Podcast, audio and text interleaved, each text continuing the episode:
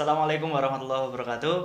Ya, selamat datang di podcast bersama ya. Jadi pada hari ini ada episode khusus ya. Nah, episode khususnya ini saya berta- ditemani oleh salah satu, salah satu orang yang mengilhami juga nama podcast ini gitu. Wes, wes, Eh, wes. podcast bersama. Oke Mas, kenalan dulu Mas. Ya, kenalin nama aku Civa dari Dari mana? dari mana ya? Ma- ya ini dari Solo lah. Dari Solo. Wah, bukannya Pati tuh. Ya kan sekarang domisili Solo. Oh ya. Karantina ya, karantina pribadi. Karantina ya selama corona. Ah, ya. Kayaknya pendatang-pendatang dari Solo tuh di semua daerah diperiksa. Jadi daripada diperiksa-periksa aneh-aneh gitu, males balik lah sini aja. Oke, siap-siap. Oke, jadi Mas Civa ini dulu adalah partner saya ya. Eh, masa partner ya? Iya, kita pernah berpartner ya. Iya. Jadi Mas Civa dulu tuh partner saya di BEM. Dulu dia jadi ketua BEM, saya wakilnya ya. Jadi nama kabinetnya itu Kabinet Gema Bersama. ya. Gema bersama. Mas, Terus podcastnya dibuat namanya Iya, podcast Bersama. bersama. Masih ingat artinya apa, Mas? Bersama itu.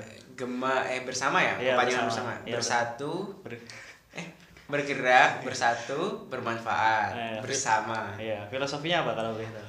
filosofinya sebenarnya aja, iya. iya seingatnya ya Iya. ya kita sebenarnya konsep bersama itu sama dengan arti kata-kata bersama itu sendiri sih kita untuk mewujudkan sesuatu ya perlu bersama-sama bergerak lah gitu kan untuk menebar manfaat kayak gitu sih Oke.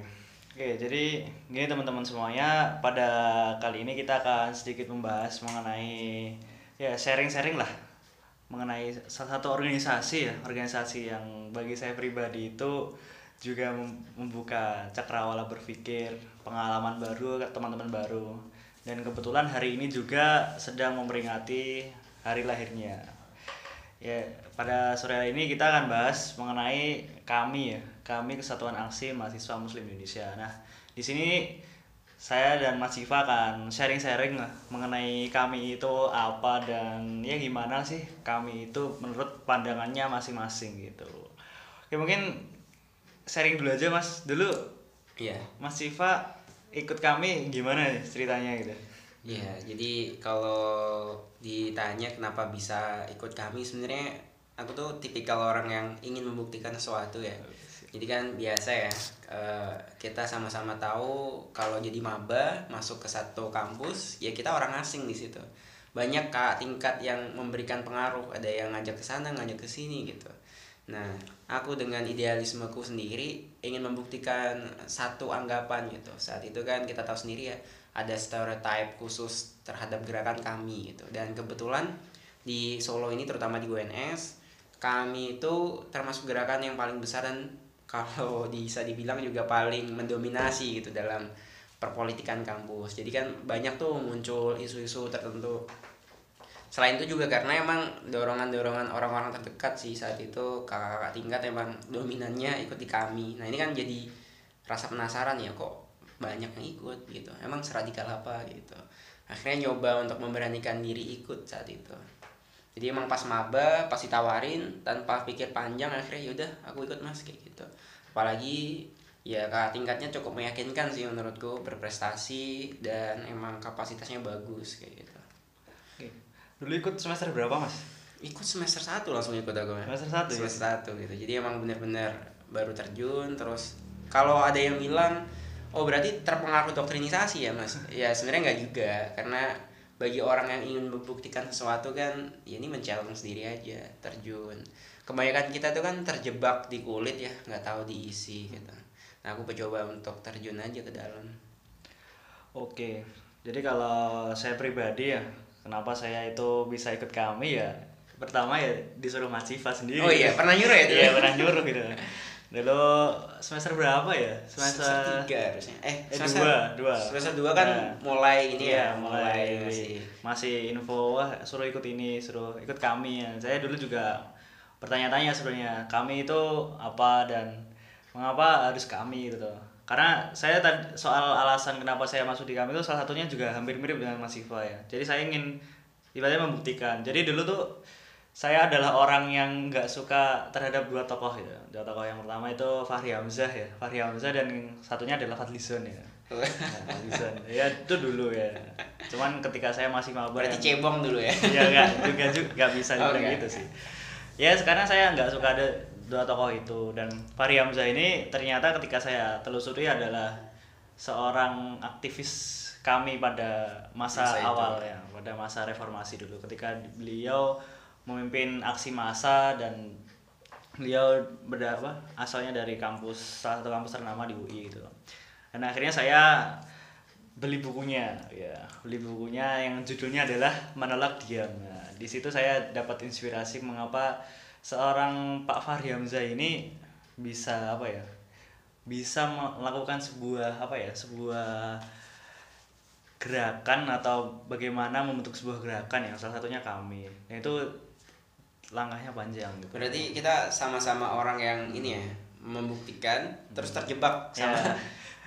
nah kalau kalau aku sendiri nih ya eh, pas gabung kami ikut pertama kali kami sebenarnya nggak nggak langsung terjebak sih. Kalau aku sendiri ngerasa justru malah setelah ikut eh, apa namanya DM 1 ya DM 1 tuh justru malah jadi titik reference pencerahan pertama tapi tidak langsung mengiyakan gitu karena akhirnya melihat eh, ternyata ya kami ya gerakan biasa aja gitu. Jadi kayak dulu stereotip yang berlebihan terkait gerakan kami itu eh, hilang gitu loh. Terus fitnah-fitnah yang kejam di luar juga hilang pas gabung. Tapi ketika udah masuk juga tidak terkesan sesuatu hal yang lain karena Iya. ternyata juga gerakan kami di UNS sendiri nggak seistimewa yang orang-orang kira Iya, gitu kan.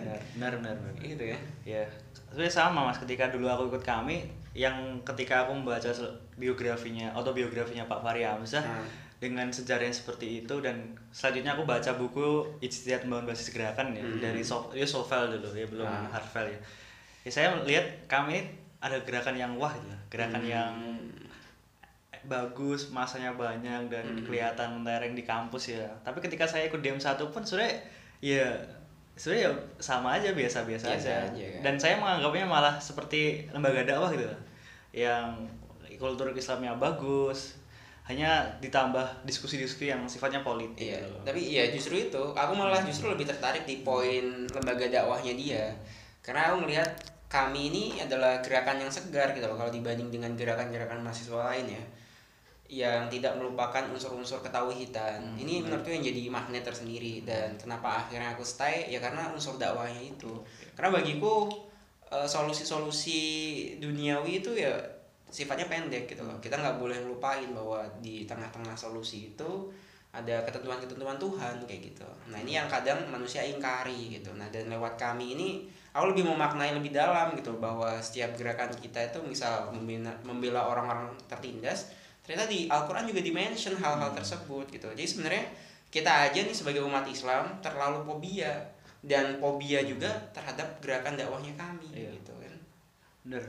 Jadi ketika dulu saya memutuskan akhirnya ikut kami ya setelah tiga kali ya tiga kali saya mendaftar tapi yang ketiga ini baru daftar ikut kami ya pada waktu semester 4 sih Semester 4 ya? Iya, semester Akhirnya 4 semester 3 dulu. Iya, jadi ketika saya ya ketika udah jadi wakil tuh udah Iya, jadi wakil kan. iya, paruh- Aku bujuk-bujuk kamu Iya, susah soalnya. Iya, makanya akhirnya saya berangkat sendiri dan ya udah saya hanya ingin mencari sebuah jawaban sih karena pada waktu itu saya memang masuki fase-fase hijrah gitu. Wih, pasti Namun- ya.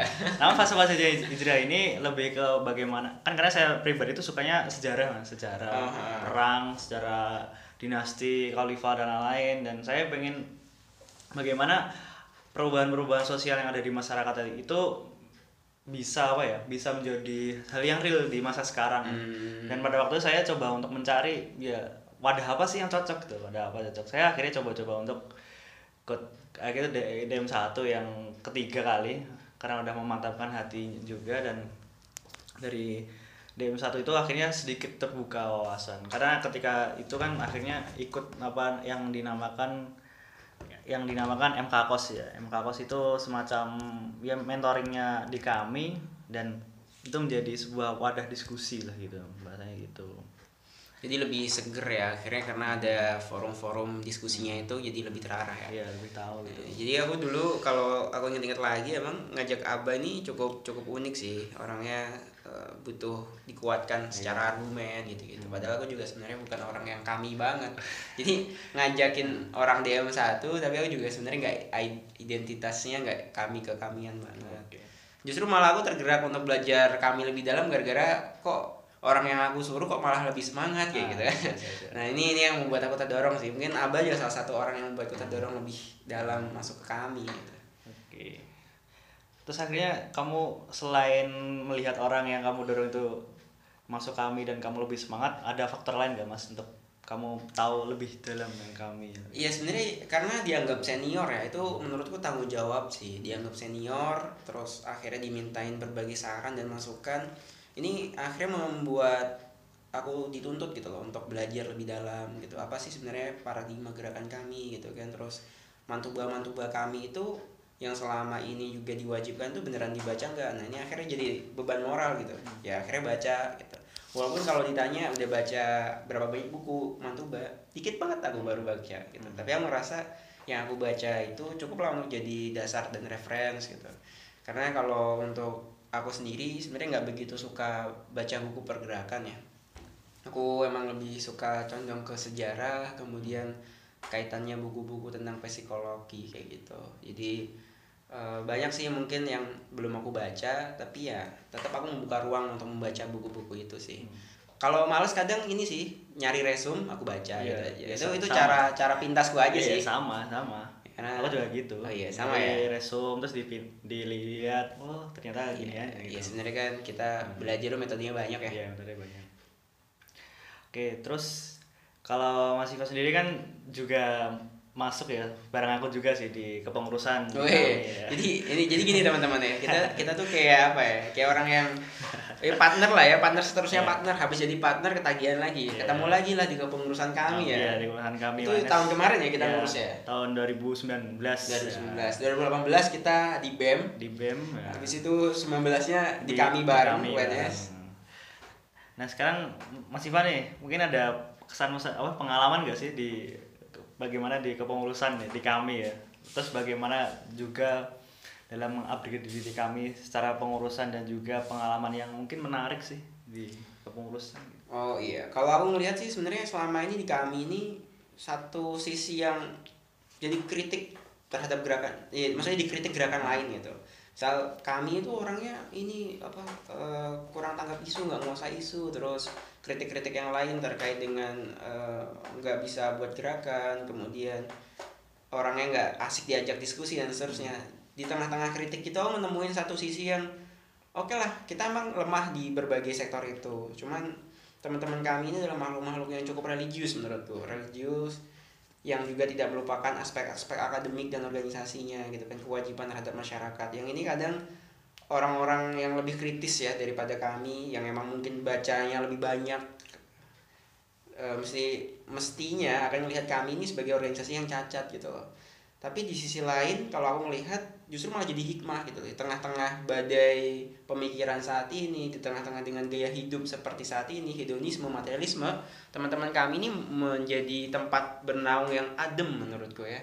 Jadi selama aku di kami aku makin inget Tuhan tuh makin banyak gitu. Wih, siap, siap. ketika lagi main sama anak gerakan yang lain kan mesti kita diskusi ya feminisme lah kayak gitu gitu yang bagi aku juga menyenangkan tapi kering gitu. Kenapa? Karena kita nggak apa ya tadi yang di awal aku mention gitu melupakan solusi-solusi eh, keakhiratan gitu. Seolah-olah ketika kita mendiskusikan solusi kita lupa bahwa unsur-unsur eh, yang mengatur kita itu ya Tuhan kayak gitu. Jadi kita menanggalkan solusi-solusi agama gitu. Dan di situ aku ngerasa kering gitu.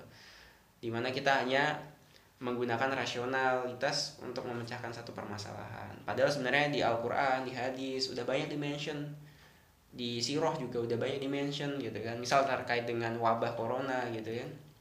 Ada anjuran-anjuran yang agar kita tuh yo yo jangan benturin takut Allah apa takut corona gitu. Ini kan satu kebutuhan kejahilian agama yang masih terulang ya. Nah di teman-teman kami ini menurutku cukup mengedukasi gitu lah dengan kewajiban juga mantu baca sirah nabawi kayak gitu, gitu sih. Itu yang menurutku spesial dari kami daripada gerakan yang lainnya di tengah kritik. Hmm. Karena ya nggak ada lah organisasi yang sempurna gitu Iya, benar-benar.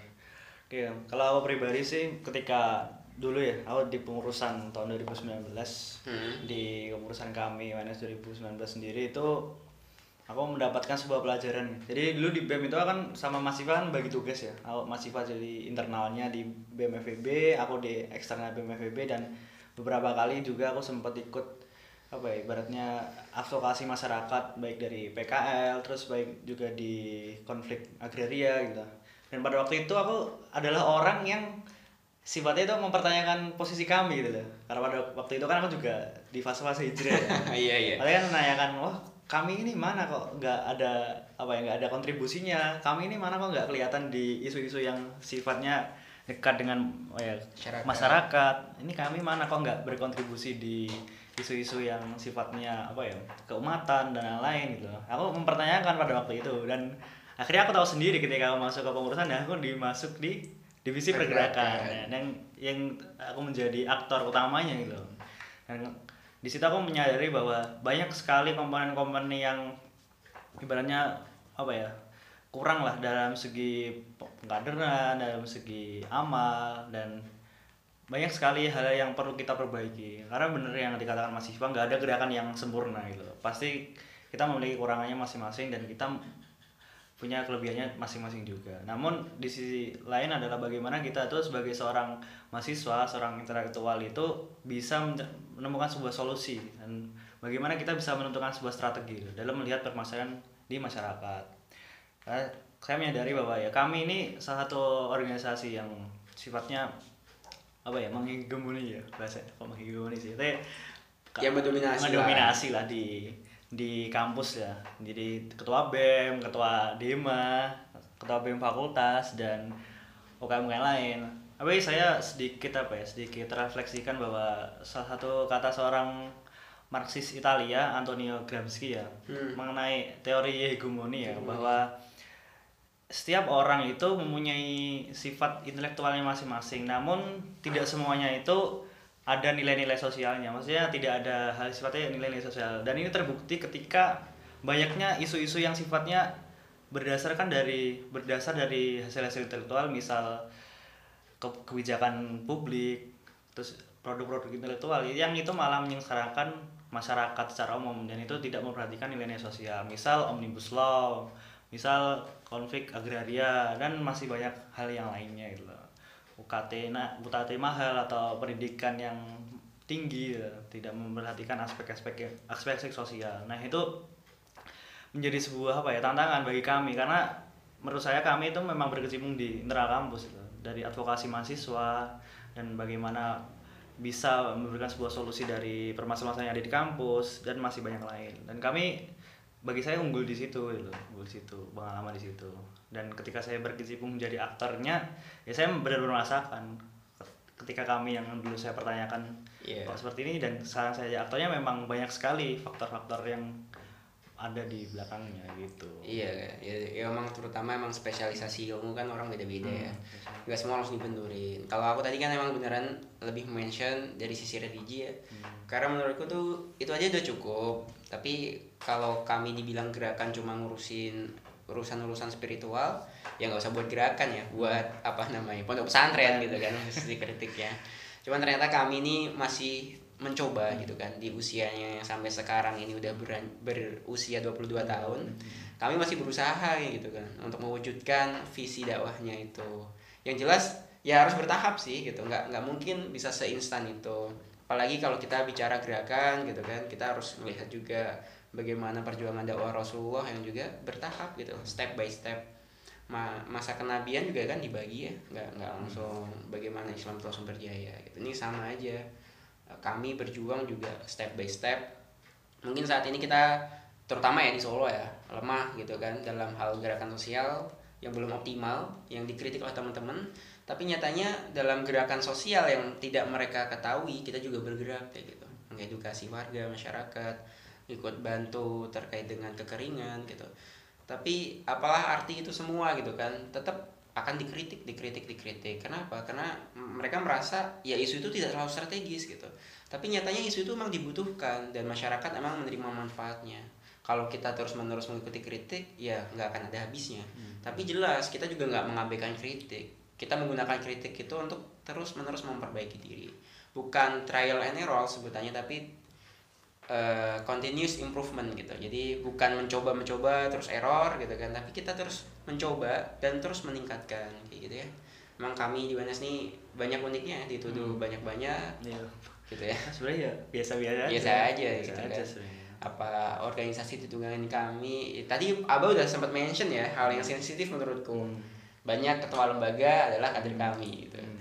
tapi abah sendiri gimana rasanya pas jadi presiden eh sorry wakil ketua bem apakah kami di balik itu ya, ataukah usaha Abah sendiri sebagai individu? Ya sebenarnya kalau aku pribadi itu lebih ke porsinya lebih banyak usaha pribadi sih. Dengan bagaimana mencari apa ya pengetahuan pribadi baca-baca buku dan berdiskusi lah. Bagaimana menyelesaikan sebuah permasalahan gitu loh. Banyak sekali diskusi-diskusi. Iya akhirnya ini loh yang yang unik bedanya mungkin ini ya bedanya corak politik hmm. yang mempengaruhi itu bukan lantas satu organisasi itu menaungi kepentingan sebuah uh, lembaga gitu atau sebuah orang-orang tertentu ya sebuah kelompok tertentu. Tapi lebih kepada bagaimana visi-visi ideologi itu masuk ke dalam kebijakan. Itu hal yang wajar gitu bahkan mungkin orang-orang yang tidak ikut gerakan itu secara tidak langsung juga menanamkan ideologinya dalam kebijakan-kebijakannya BEM kan dan itu wajar gitu loh mungkin dia adalah orang yang Islamophobia gitu. Ya dia secara tidak sadar akan memasukkan kebijakan-kebijakan yang bersifat Islamophobia gitu. Itu kan ideologi yang hmm. secara tidak sadar dia telurkan. Nah sama seperti kader-kader kami itu bukan lantas kami menunggangi tapi kami menanamkan visinya di dalam kader-kader tersebut dan kader-kader dakwah tersebut menelurkannya dalam kebijakan. Dan itu nanti juga kan adu profesionalitas dengan pengurus yang lain. Hmm. kalau toh satu kepengurusan itu menerima logika publiknya ya berarti emang baik kayak gitu. Tidak ada yang perlu dicurigai kan? Hmm. oke. Dalam momentum milad kami ini mas nah. ada nggak sih harapan kamu buat ke depannya kami? Yang usianya baru ya dua dekade lah dua dekade lebih lah. Kalau aku sih harapan untuk kami sederhana sih. Hmm. aku nggak mau menuntut kita tuh untuk amal-amal amal gitu ya untuk melakukan sesuatu. Tapi kembali aja lah gitu untuk ngebina. Ya, kami kembali ya. Kami kembali. Kembali kami. Kembali kami. Ya, siap siap siap. Iya jadi mengembalikan kami istilahnya kembalikan ke kitohnya lah gitu. Kita tuh jangan sampai melupakan unsur terpenting kita. Bolehlah kita memenuhi kritik-kritik zaman saat ini ya gitu kan. Penguatan literasi dan sok-sok ya apa ya berpikir bebas gitu. Tapi jangan lupa gitu kita punya batasan kita punya aturan. Dan lebih utama bagaimana teman-teman kami ini fokus berdakwah juga di, di lingkaran internal. Karena aku melihat teman-teman kami ini berusaha ini apa gagap eksis gitu loh. Hmm. di luar dia berusaha genjot-genjot gerakan tapi di dalam dia lupa untuk mengisi energi. Padahal orang-orang yang di dalam kami itu sendiri adalah orang-orang yang perlu dikuatin dan saling menguatkan. Nah di sini PR-nya bagaimana teman-teman kami ini yang senior-senior terutama jangan lupa lah misi MK host adik-adiknya gitu kan. Membina lah adik-adiknya dibina gitu. Aku yakin nih di luar sana nih yang dengerin ini banyak dari kalian senior senior kami yang nggak punya binaan. Padahal kalian lupa gitu apa yang dengan kalian terima. Kalian itu bukan hasil dari usaha kalian sendiri. Kalian adalah hasil kaderisasi ke tingkat kalian gitu. Loh kalian adalah produk dari eh, kakak-kakak uh, tingkat kalian yang telah meyakinkan kalian ngasih banyak ilmu sama kalian. Nah terus kalau kalian nggak melakukan hal serupa ke adik kalian ya putus dong kalau kalian lihat nih kritik-kritik saat ini uh kader-kader saat kok kayak gini kayak gitu misalnya ya. Itu terciri atau terwujud ya dari karena kalian tidak melakukan apa yang tingkat kalian lakukan gitu loh. Jangan kritik adik tingkat kalian dong penyebab sumbernya itu kalian. Kalian harus disiplin untuk juga bisa jadi contoh. Nuntut adik-adik kalian membaca mantuba tapi kalian nggak pernah ngajak diskusi adik-adiknya sama aja bohong. Dibuatlah forum diskusi ketemu.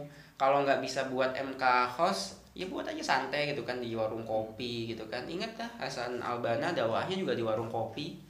Sekarang lagi ngetren coffee shop nongkrong aja di coffee shop. Tapi kalau lagi corona gini ya main game aja gitu sambil diskusi gitu kan bisa game. online gitu ya. Kartik ya.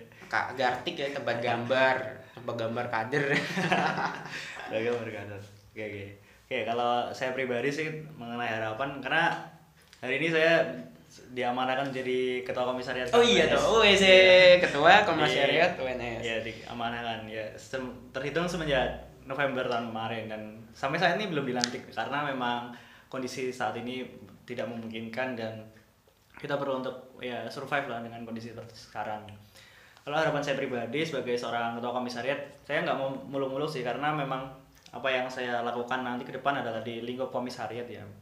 Saya sepakat dengan apa yang dikatakan Mas Siva, bagaimana kita membangun sebuah pemahaman karena dalam Al-Quran sendiri pernah dijelaskan ya, saya lupa sih Quran surat apa yang intinya artinya adalah ya Tuhanku sesungguhnya kaumku menjadikan Al-Quran itu sesuatu yang tidak diacuhkan ya. Ya kalau menurut tafsir Ibnu Katsir sendiri kata tidak diajukan ini banyak hal sekali ya maknanya. Yang pertama tidak mempelajari, tidak menghafalkannya, tidak mengimani, tidak mentadaburi dan yang paling urgent adalah berpaling menuju hal yang lain.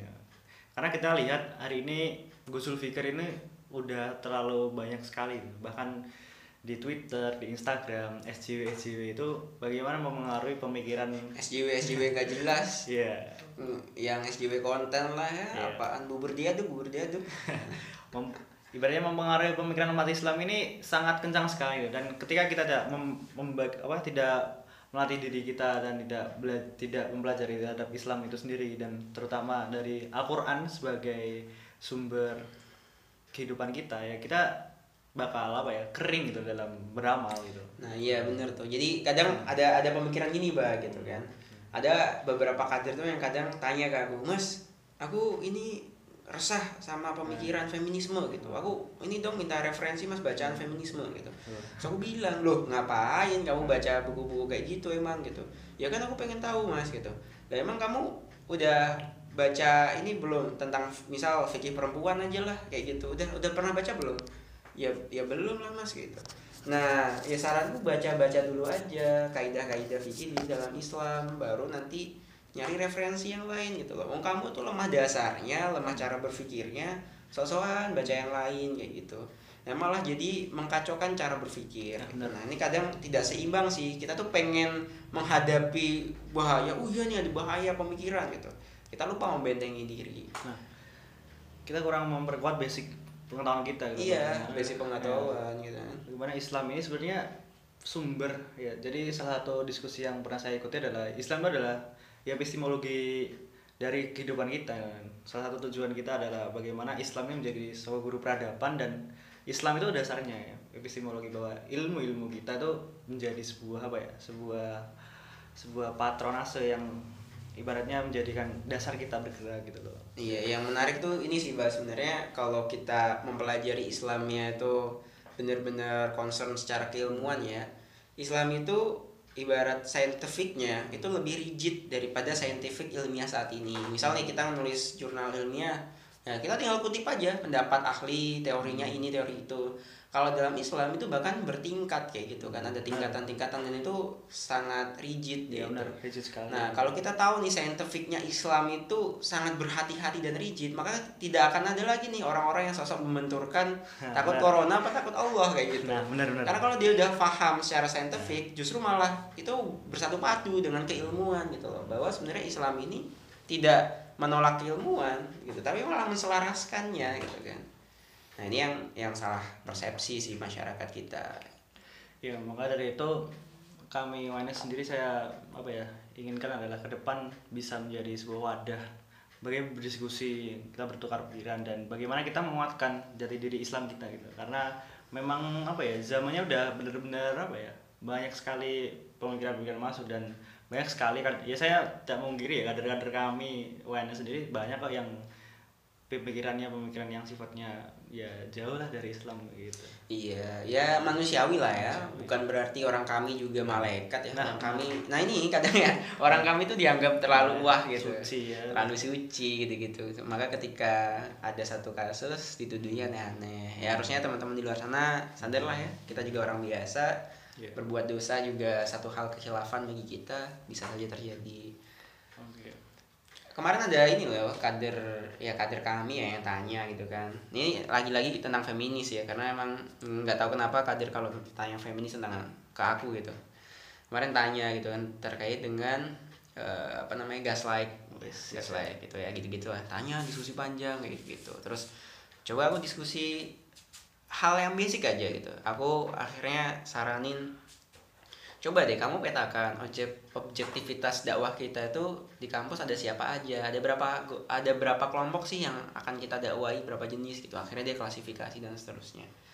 Terus terus setelah aku jelasin panjang lebar aku suruh dia mengklasifikasikan dia klasifikasikan aku kasih akhirnya uh, sentilan sederhana. Nah sebenarnya apa yang aku ucapkan itu adalah metode-metode yang udah diajarkan di dalam buku fikih dakwah gitu nah kamu udah pernah baca belum kayak gitu hmm. nah ternyata si kadir belum pernah baca gitu. nah ini kan apa ya permasalahan-permasalahan yang mendasar ya di di, di kadir kita basic sendiri gitu ya. basic banget gitu kita pengen menentang sebuah pemikiran tapi bahkan untuk pemikiran Islam sendiri kita lemah di dalamnya maka bagi teman-teman di luar sana yang ingin gitu kan melawan jasul fikir seperti kata Mas Aba tadi ya cobalah untuk memperdalam keislaman dulu gitu misal kita pengen mengetahui tentang feminisme ya kalian perdalami dulu.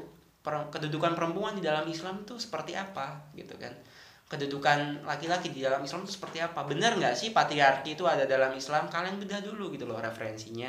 Baru kalian cari tuh teori-teori pertentangan di teman-teman feminisme. Karena feminisme sendiri sampai saat ini tuh banyak versi dan absurd gitu loh. Kalau kalian tidak punya bekal yang kuat malah jadi absurd nanti kalian pemahamannya. Oke ini menarik. Jadi kemarin aku juga baru baca buku yang berjudul Matinya Kebakaran ya. Yang di situ banyak sekali apa ya studi-studi kasus di mahasiswa Amerika yang dikarang oleh Tom Nichols ya. Hmm. Bagaimana salah satu apa ya salah satu permasalahannya adalah mahasiswa ya sebagai aktor aktor dalam intelektual, intelektual sendiri itu terkadang banyak pragmatis lah mencari jalan pintas lah jalan pintas dalam contoh nih dalam segi jurnal terus dalam segi pemahaman dalam segi diskusi dua arah dan bagaimana mengkomparkan sebuah apa ya ilmu atau ideologi dan lain itu terkadang sering sekali kita tuh apa ya cari jalan pintas pragmatis sendiri dan itu terlihat ketika fenomena-fenomena diskusi-diskusi kita terus di media sosial kita banyak sekali orang yang tiba-tiba kok jadi pakar tiba-tiba jadi orang yang paling paham nah, ini, iya, iya, sih. soal corona lah soal kesehatan soal ekonomi soal politik kok tiba-tiba banyak orang yang seperti padahal secara apa ya keilmuan sendiri itu sebenarnya perlu diuji gitu. Dan yeah, sebenarnya Islam tuh udah memang menetapkan standar standarnya dan nggak jarang ketika sekarang bahkan umat Islam itu, itu sendiri menanyakan fatwa ulama lah mempertentangan bahkan mengolok-olok nah itu yang iya iya ya. parah sih nah, parah gitu. ini MUI konspirasi nih nah. menjauhkan kita dari masjid nah. astaga gimana cerita nah maka dari itu ya. nah ini, ini unik sih emang matinya kebakaran itu saat ini jadi salah satu problem ya di di tengah mahasiswa ini bukan hanya tentang gerakan kami ya, ya. ini keseluruhan terutama emang harapannya teman-teman kami gitu kan ya harus lebih sadar gitu ini ini menarik sih karena apa yang dimention Aba itu udah coba aku usahakan gitu saat ini gitu. Beberapa kali aku memang diminta jadi narasumber untuk beberapa topik yang aku rasa aku nggak menguasai hal tersebut. Dan aku memang menolak. Saat ini sih aku kalau ditanya emang topik apa yang uh, kamu mau bahas? gitu. Ya setidaknya emang topik-topik yang aku suka dan udah banyak referensi yang aku baca itu aku berani gitu. Sekalipun itu nanti ada beberapa hal tentunya yang aku sampaikan dan aku mengatakan ini pendapatku gitu loh hmm. bukan berarti pasti pasti benar yeah, gitu kan yeah. karena emang tingkat keilmuan tuh selalu diuji nah, kita harus berpikir skeptis terhadap ilmu kayak gitu kan ya yeah. karena ilmu sendiri adalah sebuah apa ya tata cara bagaimana kita bisa merelasikan nilai-nilai yang kita perjuangkan terutama Islam dan dalam apa yang dikatakan oleh Kunto Wijaya bagaimana kita harus bisa mengeksternalisasikan nilai-nilai Islam itu kepada masyarakat. Nah, itu itu tugas kita sih. Ya, Masalahnya kadang kita lupa untuk nah. ngasih. Nah, langsung ke intinya masyarakat ya. menolak. Makanya. Corona solusinya khilafah. ya. ya. Ya, solusi. Ya, tapi solusi, tidak, tapi stepnya tentu jauh ya. ya. Di kami sendiri kalau teman-teman yang dengerin ini bukan orang kami, ya kalian harus tahu juga kami juga punya visi untuk menjadikan Islam tuh sebuah guru peradaban menjadikan sumber hukum ya kurang lebih mungkin khilafah atau sistemnya seperti apa itu masih bisa didiskusikan lah yang Iya. penting Islam itu jadi sumber hukum Maka dari itu kita perlu untuk benar-benar lihat sebuah realitas kehidupan masyarakat dan jangan sampai dakwah ini tuh meng ibaratnya menghancurkan ya harmonisasi masyarakat. Ketika menghancurkan harmonisasi masyarakat itu kan dakwah itu akan ditertolak gitu. ya dakwah tertolak lah Oke. Kamu nggak mungkin bisa berdakwah di masyarakat yang masih memandang banyak sekali tahayul. Kamu membantah langsung tahayul. Ya memang perlu step by step ya. Misal nih di masyarakat yang mungkin tahayulnya masih kenceng gitu ya. Kamu lihat sisi yang lain oh ternyata pendidikannya masih lemah masuk aja ke situ. Dan aku melihat teman-teman kami ini melakukan hal tersebut gitu. Jadi mungkin bagi orang-orang awam yang banyak mengkritik kami kami tuh sebenarnya melakukan sebuah perubahan sosial tuh step by step gitu apa yang dilakukan misal teman-teman kami UNS nih saat ini dengan dakwahnya dia? Mungkin akan diejek alah apaan sih? Sok ngajar TPA doang. Padahal nggak tahu bahwa itu adalah tahapan-tahapan dakwahnya ada di situ. Iya, siap, bagi teman-teman yang mungkin dengerin ini dan tertarik gabung kami biar tahu Iya. nanti. Ya nanti tunggu DM1 di semester selanjutnya ya. Oh, iya. Karena semester ini ditunda. depending ya Depending karena wabah. ya. wabah ya berarti semester depan sekali dua kali berarti Iya, lihat nanti ya. Lihat nanti ya, Iya, oke. Kita belum dilantik ya. ya gak apa-apa. wabah emang ini yang menghambat ya Oke ya, mungkin itu dulu sih Mas. Terima kasih udah meluangkan waktunya untuk berdiskusi ya di tengah kesibukannya ya. sibuk sekali saya ya sibuk sekali ya. Mengerjakan skripsi ya. enggak lah udah selesai skripsi oh, Udah itu saya. Oh, tinggal daftar ya. Oke. tinggal daftar tapi corona lah Iya. membuat kita berhikmah banyak Iya, hal gitu. Ditunggu ditunggu aja undangannya nanti sidang ya sama wisuda ya. undangan nikah aja lah siap siap siap oke mungkin itu dulu teman-teman semuanya semoga bisa sedikit memberikan pencerahan lah ya pencerahan dari diskusi kita pada sore hari ini ya dan terakhir saya ingin mengutip sebuah perkataan dari Ali bin Abi Thalib ya bahwa hancurnya peradaban itu yang pertama itu ketika seorang orang yang beragama itu bergerak tanpa dasar ilmu dan ketika seorang yang berilmu itu tidak tidak bisa mengeksternalisasikan ilmu-ilmunya untuk kemaslahatan bersama. Mungkin cukup sekian dari kami. Apabila ada salah kata, mohon maaf. Wassalamualaikum warahmatullahi wabarakatuh. Waalaikumsalam. dadah Ya, siap.